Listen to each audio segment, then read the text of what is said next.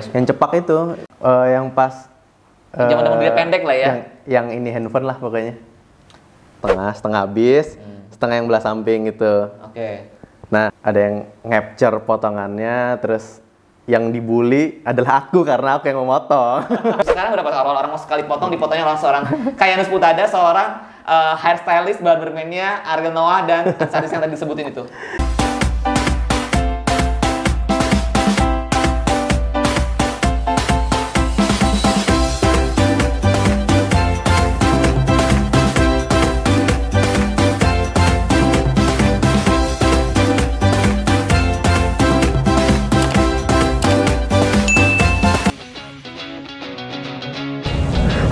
Bizer, seneng banget deh akhirnya gue bisa liburan juga. Lagi mantai sore-sore kayak gini, uh, anginnya enak banget. Oh iya, ngomongin soal liburan, kalian ribet nggak sih bawa barang kalian di pandemi kayak sekarang?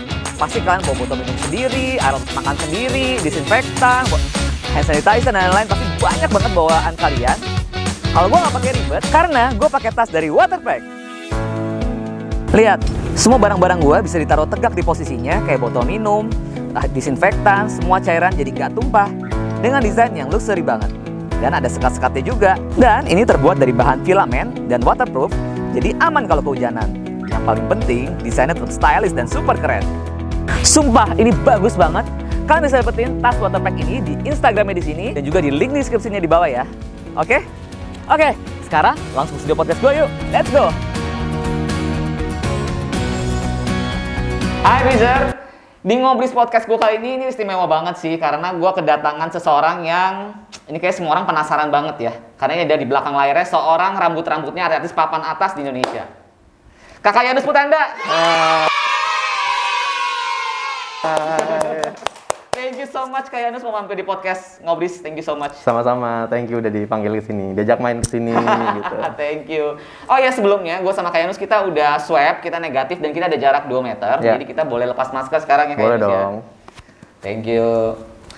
Oke, eh, jadi Kak Yanus ini mungkin kalau Blizzard semua yang lebih kelihatan ya kok Apa? gantengnya lebih kelihatan ya Oh iya benar sekarang jadi look gantengnya kelihatan ya kalau hairstylist terus juga kalau misalnya emang biasa makeup yang papan atas tuh looknya Bisa tuh aja. kasih komen di bawah. jadi Kak Yanus ini adalah hairstylist dan barberman ya, Iya. artis papan atas Indonesia. Betul. Oke. Siapa aja artis yang dipegang oleh seorang Kayanus Putada? Hmm, Indra Bekti, Indra Bekti, eh, Feral Bramasta, Vera Bramangsa, penonton yang putih untuk pangeran, ya terus habis itu Mike Lewis, Mike Lewis, eh, Ariel Noah, Ariel Noah ini yang main yang ditunggu banget. David Noah, David Noah, Lukman Noah, Lukman Noah, Uki Noah dulu. Uki Noah, Benyo Noah ya nggak? manajernya? Benyo juga nggak? Benyo juga kadang. Oh Benyo, Mas Benyo, ini dia gue udah bawa. Terus Terus siapa lagi ya? Eh, Iqmal Tobing, Iqmal Tobing, drummer. siapa lagi ya?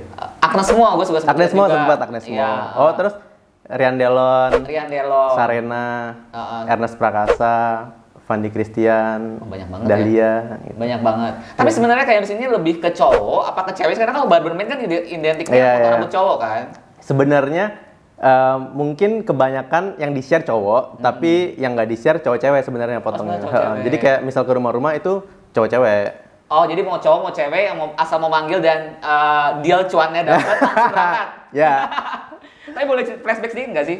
Kayak Nu sebenarnya awalnya bisa menjadi seorang barberman atletis papan atas eh, seperti Ariel Noah gitu segala macam. Itu gimana sih ceritanya? oh eh, sebenarnya pertama kali artis yang dipegang dan reguler itu Om Farhan. Om Farhan. Om Farhan. Ah, terus? Sebelum di Bandung dulu kan masih di Jakarta, Om Farhan masih ada program di salah satu stasiun TV itu. Iya. Eh, terus habis itu reguler. Nah itu pun dikenalin sama kakakku. Ya, eh, Kalau Stella, Stella, ya. Iya. dia kan makeup- Jadi, makeup. Ya, ya kakaknya kayak ini adalah makeup artis ya. Mm, makeup artisnya Ariel Noah kalau kalian Iya. tahu. Oke. eh.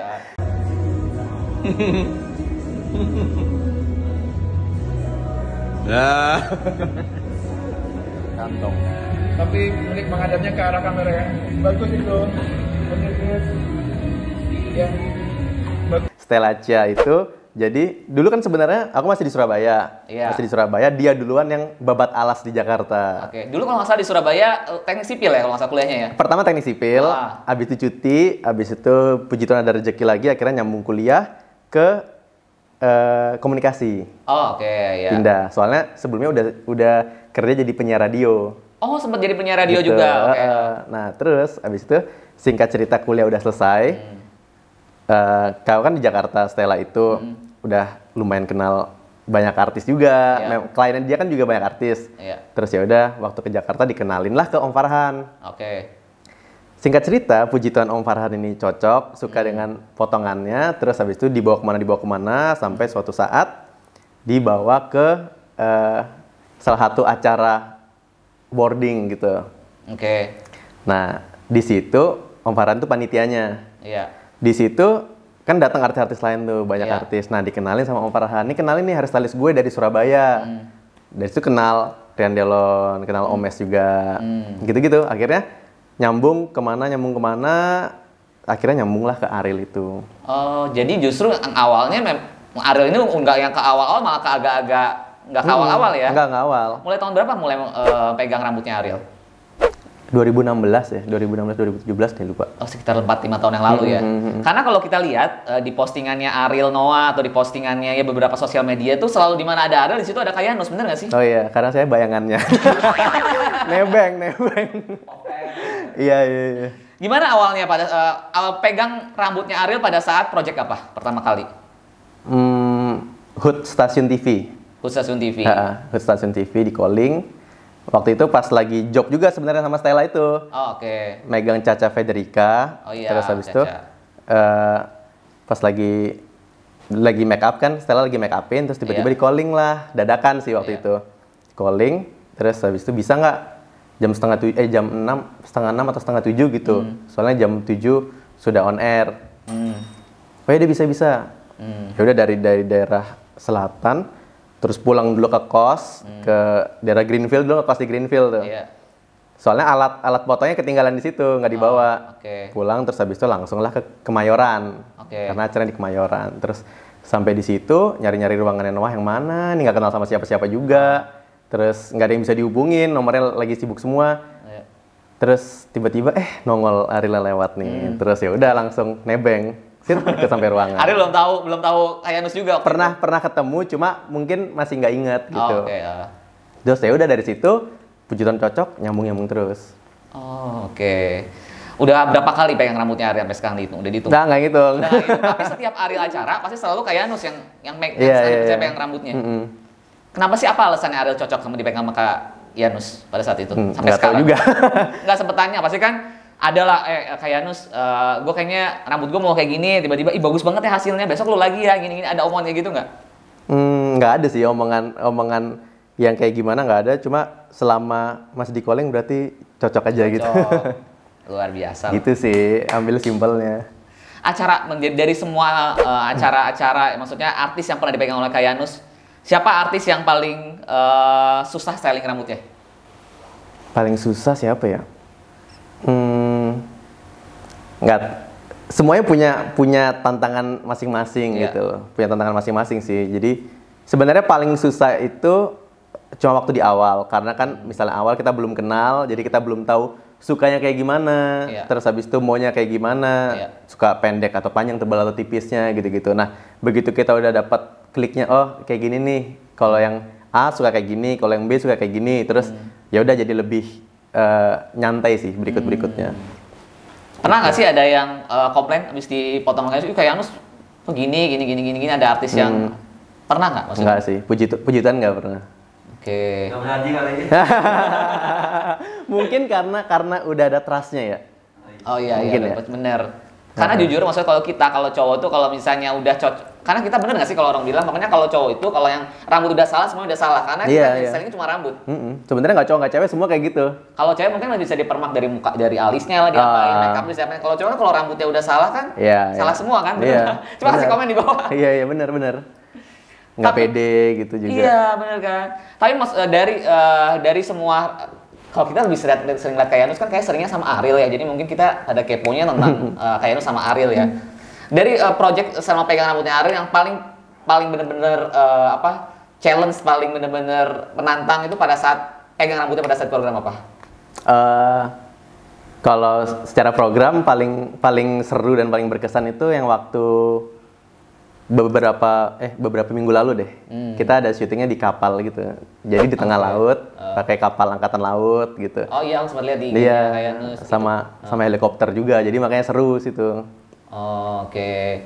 Eh, untuk masalah rambutnya yang kira-kira yang Oh, kalau rambut. Ah, kira-kira. Kalau rambut eh jadi rambut itu kalau pas eh Ariel ini lagi potong ekstrim. Nah, itu Ah, baru iya. tuh. ekstrim ekstrimnya Ariel kayak gimana sih rambut? Ekstrimnya iya, jadi yang pertama kali Ah. itu tahun 2017 kalau nggak salah ya. Jadi dia ada kayak potong setengah, setengah habis, Hmm. setengah yang belah samping gitu. Oke.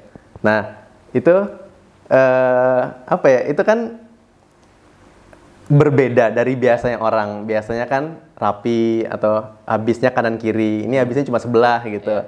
Nah, itu terus habis itu nggak nyangka ternyata orang-orang kaget juga. Hmm. Terus habis itu ada yang ngapture potongannya, terus yang dibully adalah aku karena aku yang memotong. dibully aku dibully di grup ada kayak grup potong rambut potong rambut gitulah. Apa nih nggak bisa motong apa gitu gitulah. Tapi kepikiran idenya kenapa bisa motong kayak gitu waktu itu kenapa? Eh, kan kita ngobrol tuh diapain lagi ya terus coba Iya. deh kok kayak gini bagus nggak ya Eh, bagus kok cocok terus ya Hmm. udah akhirnya kita jalan nah terus habis itu yang yang dua tahun lalu ya yang heboh juga tuh yang unfaded Yang Ernest kan heboh juga kan? oh iya Ernest juga nah sebelum Ernest yang Ariel yang unfaded itu yang sampingnya habis Oh, iya, iya, Eh, iya, iya, iya. sampai banyak banget yang sampai masuk di liputan 6 waktu itu Oh, iya, liputan iya. masuk di beberapa portal itu Iya. Terus banyak juga yang yang terinspirasi jadi dari beberapa kota-kota yang ada di Indonesia mau di di Medan, di ada yang Kalimantan juga, di Sulawesi di mana-mana ada yang ngetek gitu. Eh, padahal itu eh, aku nggak nggak nggak nyuruh dan nggak bikin giveaway apa-apa, cuma merekanya terinspirasi sendiri itu seru sih kayak gitu. Jadi merasa terapresiasi. Iya iya iya. Jadi pada challenge rambutnya Ariel. Iya. Tapi sebenarnya kalau kayak sekelas Ariel itu biasanya mereka, mereka tuh kalau misalnya mau potong rambut sama Kayanus, kak gue pengen potong kayak ini atau dari Kayanus yang selalu yang mengidekan kira, eh gue kayak lagi cocok sama trennya pakai rambut ini deh. Oh jadi eh, saling komunikasi aja sih. Jadi kadang ada yang dari dari yang dipotong, ada yang dari guanya juga gitu. Jadi ya saling dikomunikasikan aja gitu. Kalau kayak Boril lebih kayak kasih ide dari dia apa dari? Sama-sama. Jadi kadang ada yang dari dia, ada yang dari aku sendiri gitu-gitu. Oh, oke. Tapi biasanya nih ya, kalau misalnya pengalaman total jadi tukang jadi barberman udah berapa lama tuh potong rambut udah berapa lama? Dari Kayanus? 2009 berarti.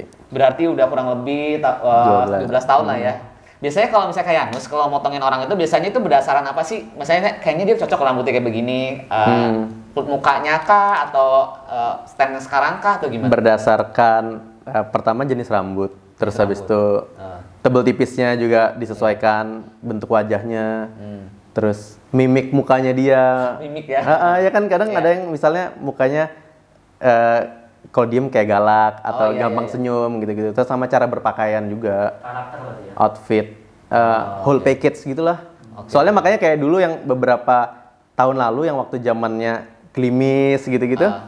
Kadang kan kayak kita mungkin kayak ada yang ngeganjel dalam hati, kayaknya kayak ada yang nggak pas nih secara rambut rapi, Hmm. tapi kok kayak ada yang nggak nggak cocok atau apa gitu. Nah itu ternyata kan kita bisa ngeliat dari caranya dia sehari-hari berpakaian juga. Iya. Kadang kan nggak semua, soalnya rambut rambut bagus, rambut rapi, tapi kan belum tentu cocok sama orang ini gitu-gitu juga. Harus disesuaikan semuanya. Tapi setuju nggak sih kayaknya sekarang kalau kita ngelihat uh, cowok-cowok Indonesia pasti pengen patung, potongan rambutnya kayak Ariel Noah. Kayaknya itu, Mayoritas kan? iya. Iya kan? Hmm. Gimana Pak Yanus? Uh, tahu itu semua itu hasil tantangannya seorang kayak Yanus Putada, Hmm. jadi inspirasinya orang-orang di Indonesia. Ya, puji Tuhan sih seneng. Se- Sejujurnya emang seneng dan ada Iya. ada bangganya juga. Terus ya, ya bersyukur sih. Ada ngaruh nggak sama endorsan atau perjob-jobannya seorang Yanus? Eh, eh, Banyak ngaruhnya nggak sih? Karena semenjak semenjak rambutnya selalu jadi trendsetter pasti pe- pegang Ariel Noah. Kalau kalau job mungkin secara nggak langsung pasti ada pengaruh ya. Iya. Cuma yang lebih berpengaruh berpengaruh ke semua semua hal itu trustnya orang-orang. Jadi Oh, lebih iya. oh lebih percaya. Jadi kayak lebih orang kalau aku potongnya juga bakal lebih tenang gitu. Setelah kelas Ariel Noah, kelas yang Fearless segala macamnya dipegang sama kayaknya sudah lah, pokoknya gue mau rambut apa aja, gue mau lihat pokoknya apa ya kan rambut gue yang apa gitu, iya kan? Iya, iya. Iya, kayak gitu. Jadi seru sih sebenarnya motong motong banyak orang dengan aktivitas mereka yang berbeda terus kayak misal kayak misal motong rambut Feral tuh Iya. nah Feral ini juga soalnya kan sibuk seharian terus jadi kadang kerja pulang kerja baru bisa potong itu Iya. juga kan capek jadi kadang bisa sambil sambil rebahan motongnya Nah iya, Nah. nah. lihat kayaknya sampai megang eh, motong rambut bayi tanpa menangis. oh itu anaknya Mbak Asri Mas Asri. Welas Oh, Mas Asri apa kabar? Mbak Asri. juga ya. Di Cibubur. di Cibubur itu. jadi eh, motong Mbak As motong rambut Mbak sama anak-anaknya terus habis itu anaknya ada yang nangis-nangis kan Hmm. Iya. terus Si Bam bukan? Ibam bukan? ah, lupa deh pokoknya yang kayak waktu itu paling kecil deh Oh, mungkin oke, ya oke, iya. atau kak- atasnya Ibam deh Iya iya oke oke. terus habis itu pokoknya sambil main air main air terus lama-lama kalau di pinggir kolam juga eh, susah nih Hmm. motongnya terus ya udah deh berhubung ke mana-mana juga bawa baju cadangan ya udah nyemplung aja deh sekalian gitu Hmm. Oh, ikutan ke air ikut juga. Jadi motong dalam air ya Oke. gitu sih seru seru kayak Luar gitu biasa. Tapi kayaknya ngaruh eh, kalau secara job kan jadi makin nambah. Secara harga jadi naik enggak? Eh, kalau kalau secara harga Nah, Berdasarkan apa ngasih harga Oh, biasanya? kalau ber- kalau masang harga itu berdasarkan hmm, jarak juga, Hmm. berdasarkan jarak, habis itu eh, target target pribadi, target, Target pribadi. Jadi misalnya kayak awal di Jakarta, awal di Jakarta targetku eh, yang ada di pikiranku adalah kerja ini supaya paling nggak bisa untuk bayar eh, transport, bayar kos dan makan gitu. Dulu sebenarnya awal ke Jakarta itu sempat ngelamar penyiar radio. Oh, oke ya. Nah, jadi di, di pikiranku, aku ke Jakarta, kalau ngandelin potong rambut nih kan nggak jelas nih, karena nggak kenal siapa-siapa, aku cuma kenal sama Stella, kakakku. Tapi yang mau aku potong kan, mm, aku nggak tahu siapa, dan orang-orang juga nggak tahu ada yang namanya Yanus yang bisa potong rambut kan. Iya, iya. Nah, terus habis itu, eh, aku juga bukan anak nongkrong, Iya. jadi aku mengandalkan penyiar radio supaya Oke. bisa bayar kos. Tuh, eh, oh, udah probation, eh, nggak diterima terus ya udahlah. Gimana ya? Bingung kan nyari gimana lagi caranya? Bukan anak nongkrong terus gimana caranya orang-orang tahu ada ada seorang yang bisa motong rambut ini nih. Terus ya udahlah, sabar sambil doa, doa. Terus kadang ada temen dari Surabaya datang ngajak nongkrong, ya udah ikut nongkrong, dikenalin lah sama temennya, eh ini kenalin gitu-gitu. Nah terus waktu itu kan banyak kan banyakan kegiatan di kos, banyak kegiatan di kos. Terus habis itu suatu saat ditelepon lah sama seorang artis. Nah, Oke. Terus habis itu telepon, bisa nggak bro potong? Bisa. Padahal waktu Ternyata itu belum di mana-mana tuh kayak harus waktu itu belum artis. belum banyak. Iya, eh, iya, iya. Ternyata puji Tuhan dipanggil sama Tara Budiman. Oh, Tara. ya. Iya, terus ya udah dari Tara, puji Tuhan juga cocok. Eh, setiap minggu dulu ada juga acara regulernya Tara tuh, Idol iya. Junior. Terus saya, ya udah setiap minggu ke situ, Ah. setiap minggu. Terus eh, dari situ kenal artis-artis lain kan, soalnya kan Tara host terus kan bintang tamunya ganti-ganti juga. Iya. Dari situ kenal Judika, Oke. motongin Judi- Judika juga dulu sempat. Oke. Dari Judika kenal lah ke Ariel Oh, oke. gitu terus ya udah jadi kalau balik lagi ngomongin si harga tadi Iya. masangnya berdasarkan apa jadi berdasarkan kalau waktu itu waktu itu pertama kali di Jakarta itu 150 Pertama kali 150 ribu di tahun 150 2016. 2016 oke ya. ya. 2016 terus habis itu 150 eh ternyata habis di transport Oke, ya secara Jakarta naik Grab aja udah satu pulang pergi iya udah habis eh, eh, gitu. habis di transport biayanya dan habis waktunya juga Hmm. satu tem- satu hari itu maksimal cuma bisa 2 sampai tiga tempat soalnya kan kena macet gitu-gitulah Iya. Terus eh kayaknya nggak nggak bisa nih kalau cuma segini. Akhirnya dinaikkan lah, Hmm. dinaikkan ke 250, dinaikkan ke 350 sampai akhirnya ke 500. Iya, yang terakhir aku nonton di hitam putih biasanya Iya iya iya. seribu iya. sekali potong. Nah itu sebenarnya dalam waktu kayaknya dalam waktu dua bulan deh. Dalam dua bulan naik langsung 300 200 persen. Iya. Ah, bukan karena bagus atau bukan karena apa ya? Bukan karena banyak yang tahu atau bukan karena banyak motongin artis. Tapi justru karena waktu itu belum banyak yang tahu aku. Jadi aku ngerasa ini waktu yang tepat untuk ngeset harga di harga yang terbaik menurut aku. kenapa orang belum ada tahu justru ngeset harganya dinaikin? Karena Kenapa sih yakin itu? Karena kalau kalau kita misal kita udah kenal sejak awal terus dari harga berapa gini deh, kita potong rambut di biasa, potong rambut kita datang ke tempat, bayar lima ribu. Hmm. Terus habis itu bulan depan atau tahun depannya naik 5000 aja, kita kan pasti 5000 atau 10000 lah. Kita kan pasti kayak, loh kok naik harganya gitu. iya. Walaupun nggak masalah, tapi kita agak, oh naik ya harganya. Iya, iya. Nah, jadi daripada tiap bulan naik pelan-pelan atau tiap enam bulan atau tiap tahun naik pelan-pelan, mending langsung sekalian naik tapi bertahan lama gitu. Oh iya benar Gitu juga. sih. Ini, ini trik juga nih buat para pedagang-pedagang ya. Iya. KNS perlu dicoba. Kalau sekarang tarifnya udah berapa? Itu tiga tahun lalu, tiga tahun lalu Iya. kan lima ribu. Sekarang berapa? Kalau orang mau sekali potong, dipotongnya langsung seorang kayak Nus Putada, seorang eh, hairstylist, barberman-nya Ariel Noah dan artis yang tadi disebutin itu. Tebak deh, tebak. 2 jutaan lah ya. Bener nggak? Soalnya di, teman gue di Kemang itu ada artis juga itu langgannya sana 2 jutaan nyampe nggak? Eh, Tergantung lokasi. komen di bawah kecilan. komen di bawah. Iya nggak? Iya iya. Kita satu juta lah tapi, ya. tapi waktu itu ya sempat sebenarnya ini ada cerita seru Ya. juga sih. Memang waktu itu eh, maksudnya kalau diceritakan emang kelihatannya segampang itu gitu Iya. dalam waktu beberapa bulan naik langsung berapa ratus persen gitu kan. Iya. Tapi juga nggak semudah itu karena awal-awal juga bakal ada yang kaget. Karena kan pasti pasti dipikir disamakan dengan eh, yang orang itu tahu. Jadi misal kayak misal aku mau potong, oh aku biasa potong range-nya segini. Mm-mm. Aku manggil pun range-nya segini. Mm. Jadi paling kalau manggil ini kurang lebih sama. Mm-mm. Nah, suatu saat ada yang manggil, Hmm. terus habis itu potong beberapa orang, terus sok kasih tau lah totalnya. Ini waktu harga masih 500 500 ribu. Hmm. Kasih tau totalnya segini gitu. Shock orangnya. Mm. Shock. eh, Hah, kok segitu? Kan potong rambut biasa aja. Hmm. Apa bedanya tuh kan? Kan lu cuma datang, maksudnya nggak ada bedanya. Terus kenapa Iya. harus harus mahal gitu? Ya tapi harga saya segitu. Ah. Gue bilang gitu. Terus? Eh, terus akhirnya agak-agak dimarah-marahin gitulah Hmm. terus tapi ujungnya tetap dibayar tetap dibayar cuma jadi agak nggak enak gitu Oh, oke. pada saat itu tapi beberapa tahun kemudian puji Tuhan udah udah baik lagi gitu. Dan- nanti. ya berjalan dan sekarang mungkin dia udah tahu emang kalau sekelas kalau gue udah mau dipotongin seorang Yanus ya udah berarti kurang lebih rate rate nya di, di angka segitu kurang lebih Iya. kurang lebih udah Nah. banyak yang tahu juga ya. Apa? Orangnya potong lagi nggak sekarang? Pernah potong, lagi nggak? Potong. Potong lagi. tapi range nya di ber- range nya di berapa nih kira-kira? Mau dipotong sama balik lagi ya ke range kira range nya di, di angka berapa sampai berapa gitu kira-kira sekarang? Eh, range-nya ya berapa juta lah. Berapa juta? Nih mau rambut kayak nanti gue mau dipotong juga sama kayak Yanus ini kita lihat ya hasil potongan rambut sekian jutanya gue dari kayak Yanus kita ngobrol lagi.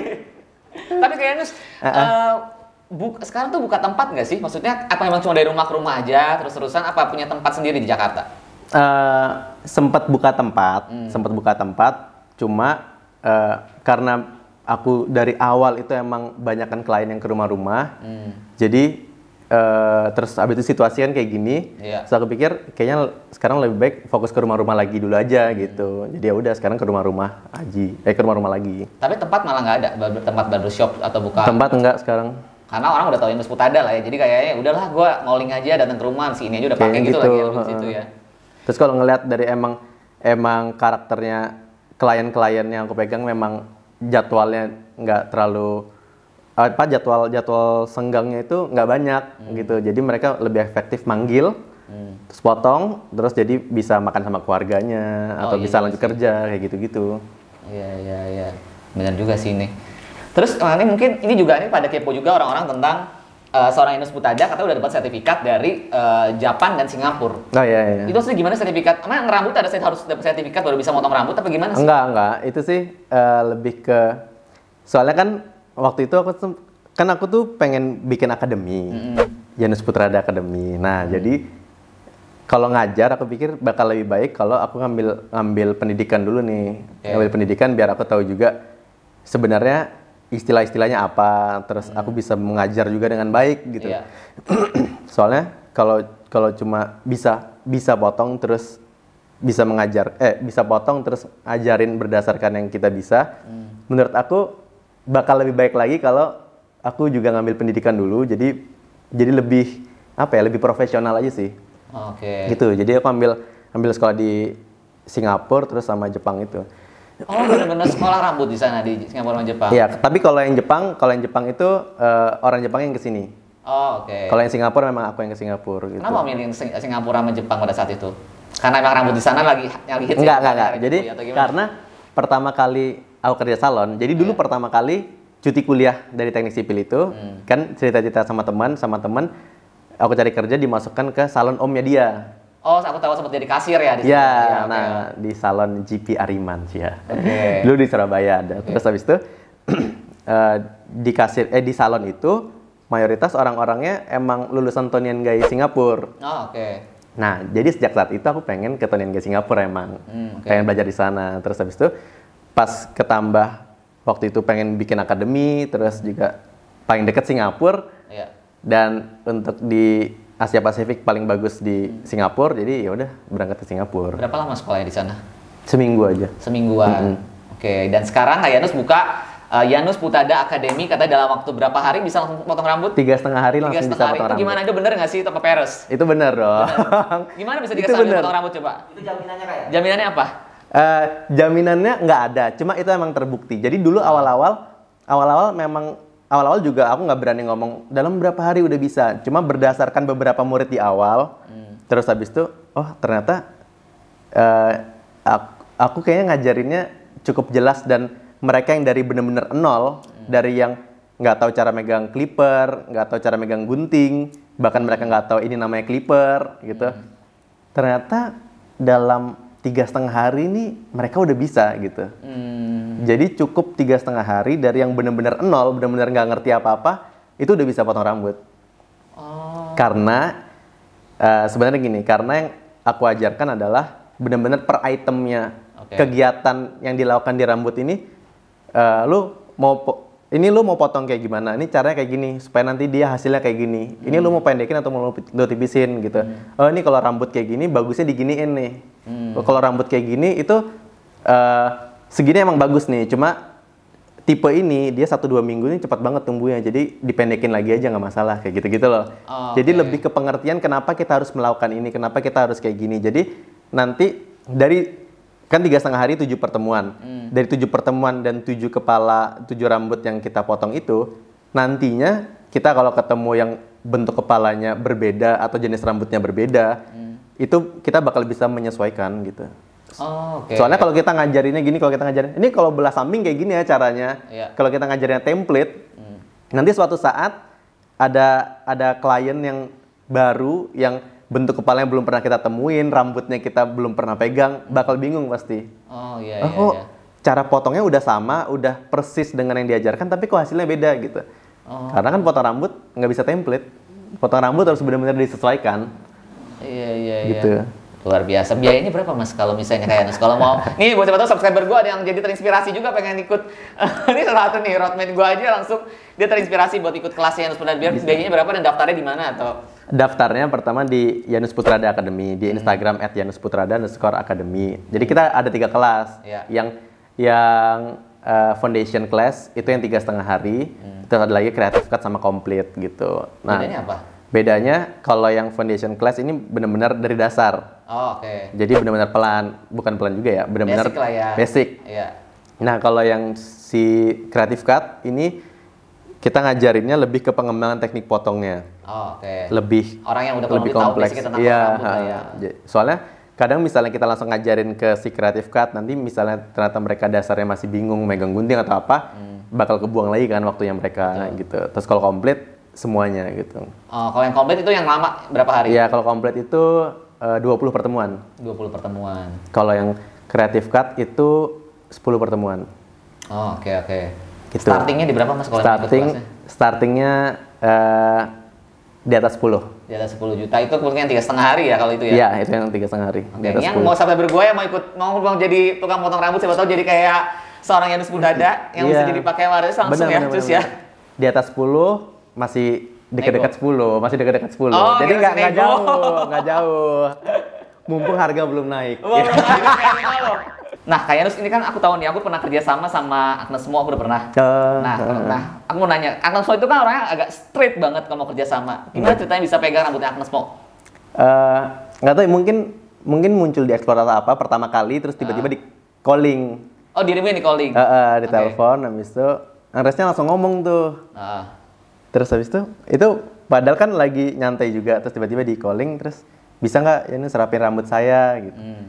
bisa ya udah langsung berangkat set nah itu itu lumayan deg-degan tuh lumayan deg-degan di dalam perjalanannya terus sambil agak deg-degan Nggak, tapi bilang nggak kayak Nus, aku tahu nomormu dari sini atau aku tahu dirimu. Nggak. Tiba-tiba dia telepon aja. Mm-mm. Oke. ya. nggak nanya juga terus habis itu ya udahlah fokus ke nanti motong gimana nih terus gitu terus Ah. sampai di sana juga santai sih Hmm. jadi mayoritas puji Tuhannya yang yang aku pegang itu nggak banyak yang bahkan nggak ada yang kayak eh kok kayak gini sih nggak ada Oh, gitu ada, oke. jadi aku juga lebih lebih nyaman lebih enjoy gitu motongnya Iya iya iya. Pas project pas rambut model Agnes yang mana yang dipotongin sama Yos? yang cepak itu eh, yang pas Zaman eh, mobil pendek lah ya. yang, yang ini handphone lah pokoknya Oh iya iya iya iklan handphone ya ya ya. Ha-ha. Nanti kita ada cuplikannya nanti kita kasih lihat. Satu sekali itu doang apa abis itu masih berlanjut? dua kali dua kali deh yang waktu masih pendek-pendek gitu Iya iya. terus habis itu kan ke sana ke ke Amerika. Amerika lagi terus udah panjang kan rambutnya Kalau aku mungkin kalau menurut aku mungkin Agnes pada saat itu eh, pakai Kayanus mungkin karena Kayanus kan terkenal sebagai barberman, barberman atau hairstylist artis cowok mungkin ya. Karena kan Agnes kan lagi rambutnya bener-bener Hmm. Iya, iya, kayak iya. cowok cepak gitu kan. bener bener bener bener bisa Tapi- jadi sih Bener gak sih? Iya, iya, Tapi iya. kalau seorang Kayanus ngeliat Agnes kok kayak gimana? Ra- mungkin kita bicara rambutnya ya. Rambut Agnes itu tipe kal yang seperti apa? Mudah nggak di tangan ini? Eh, kalau berdasarkan yang waktu itu aku pegang sih mudah eh. Hmm. gampang maksudnya nurut gitu kalau di styling si rambutnya ya Gimana tuh? Kan itu kan bener-bener beda banget kan saat itu kan. Langsung Agnes sosok yang berubah. Dipegang, dipegang sama Hmm, Iya, bisa iya. bentuk sembondol. Gimana tuh kan? Nah, jadi waktu itu eh, itu juga aku sempat nanya tuh, ini mau yang yang abis atau yang mau gradasi gitu, Hmm. mau yang di fade gitu. Terus habis itu habis aja nggak apa-apa, terus ya udah. Agak-agak ini sih terus ya udahlah. Iya, deg-degan lah. Karena secara secara kan seorang Agnes, seorang Ariel itu pasti selalu jadi panutannya orang-orang. Setiap salah rambut dikit aja selalu dikomplain sama netizen. Iya, Tapi iya. terjadi kayak Nus kan langsung sama fans-fans Agnes tahu iya, sudah garis keras iya, kan. iya. Sama fansnya kayak fansnya Noah kan juga gitu. Iya. Iya, yang Masa- diserang kan yang motong ya. Bener. Nah, kita kalau bicara bisa back to Noah ya, kalau kita ngeliat Ariel itu kan kayaknya rambutnya tuh selalu ekstrim ya, dipotong-potongnya sama kayak Nus itu. Itu kena, eh, kenapa bisa yakin untuk rambut ekstrimnya dipegang oleh seorang Kayanus, seorang Ariel? Eh, apa ya? Dan Mungkin dia sering banget kan gonta-ganti rambut kan, selalu dipegang kayak sama Iya, kayak iya, Anus ya iya. untuk gonta-ganti rambutnya. Kayanus itu. Iya setelah dikarus dulu kayak, eh, tapi nggak- aku nggak tahu juga bener nggak sih fansnya Noah bener nggak dulu suka gonta-ganti rambut nggak sih? Tapi setahu gue sekarang sekarang ini deh. mungkin karena apa ya? Mungkin karena eh mungkin karena cocok mungkin ya. Cocok. Jadi jadi kadang kan kalau kita udah cocok sama sama yang sama yang motongin kita, jadi kan kita lebih lebih berani mau ganti-ganti atau apa kan kita tahu gitu loh. Iya. Ya nggak sih? Kayaknya sih kayak gitu. Kayaknya berdasarkan itu pendapatku ya, cuma nggak tahu lagi kalau Kalau menurut fansnya Ariel Noah kenapa coba kira-kira dan mungkin Iya. ram- rambut kalian mungkin rambutnya Ariel yang apa yang paling kalian suka dari potongan Kayanus kasih komen juga di bawah. Iya. Seberapa sering sih Kayanus Ariel dalam setahun potong rambut sama Kayanus atau dalam sebulan? Eh, waktu pas lagi dulu sempet tuh dulu sempet eh tahun lalu atau dua tahun lalu gitu itu hampir tiap minggu tuh pernah Hampir tuh. tiap minggu, hampir tiap oke. minggu ada tapi normalnya sih dua minggu tiga minggu Hmm. gitu soalnya kadang kan kalau rambut cowok memang rata-rata kan kalau kita udah kalau yang samping habis kalau tumbuh dikit kan udah kelihatan berantakan Iya. apalagi eh, artis-artis ini kan ngelihatnya kan kadang kameranya nge-zoom gitu Iya. kan. Jadi bakal kalau ada yang berantakan atau udah panjang dikit lebih kelihatan gitu loh, lebih kelihatan gak rapi gitu. Jadi frekuensinya sih emang cukup sering gitu. Oke. Kalau sekarang kira Sekarang baru baru minggu lalu juga minggu lalu juga potong. dalam sebulan pasti ada lah ya potongan Sebulan rambut ada. selalu ya. Satu dua minggu sih kayaknya. satu dua minggu sekali. Nah ini kalau misalnya nih, kalau misalnya se- seorang Arnold atau artis itu mereka tuh endorse apa bayar sih? Nah, Breezer, gimana? Seru kan obrolan gue tadi? Kalian bisa tonton lanjutannya di podcast gue selanjutnya ya. Sekarang gue udah mau siap-siap nih buat buka puasa. Oh iya, sekarang gue lagi seneng banget nih masak sendiri di rumah. Karena lagi pandemi ini gue ya sebelah masak sendiri di rumah. Dan gue nggak perlu khawatir, karena gue selalu masak dengan perlengkapan dari Philips. Gue sekarang lagi menjalani banget nih hidup sehat. Karena itu, gue selalu masak menggunakan air fryer dari Philips. Dan sekarang Philips mengeluarkan air fryer XL HD 9270 yang dilengkapi dengan teknologi rapid air, hasilkan hidangan yang renyah di luar dan lembut di dalam. Oke, sekarang langsung ke dapur gue ya. Ada Chef Agus Sirangan lagi masak buat menu berbuka puasa. Kalian bisa tonton dan bisa ikuti resepnya. Yuk ke dapur gue.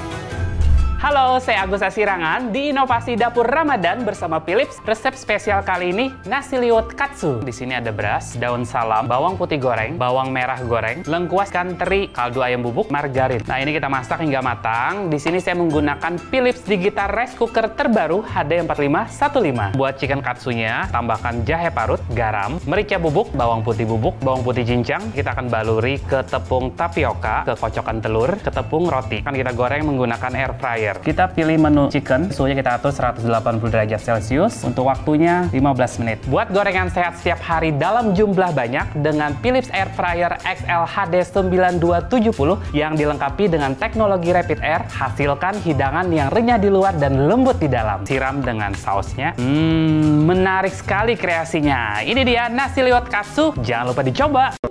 Saya yang langsung di crush gitu, motong. Jadi dia sliding shoot shoot gitu. Dia untuk tekstur gitu. Ini di atas 10. Di atas 10 juta. Wigiono, mau tanya sekali guntingin Ariel bayarannya berapa ya, Dit?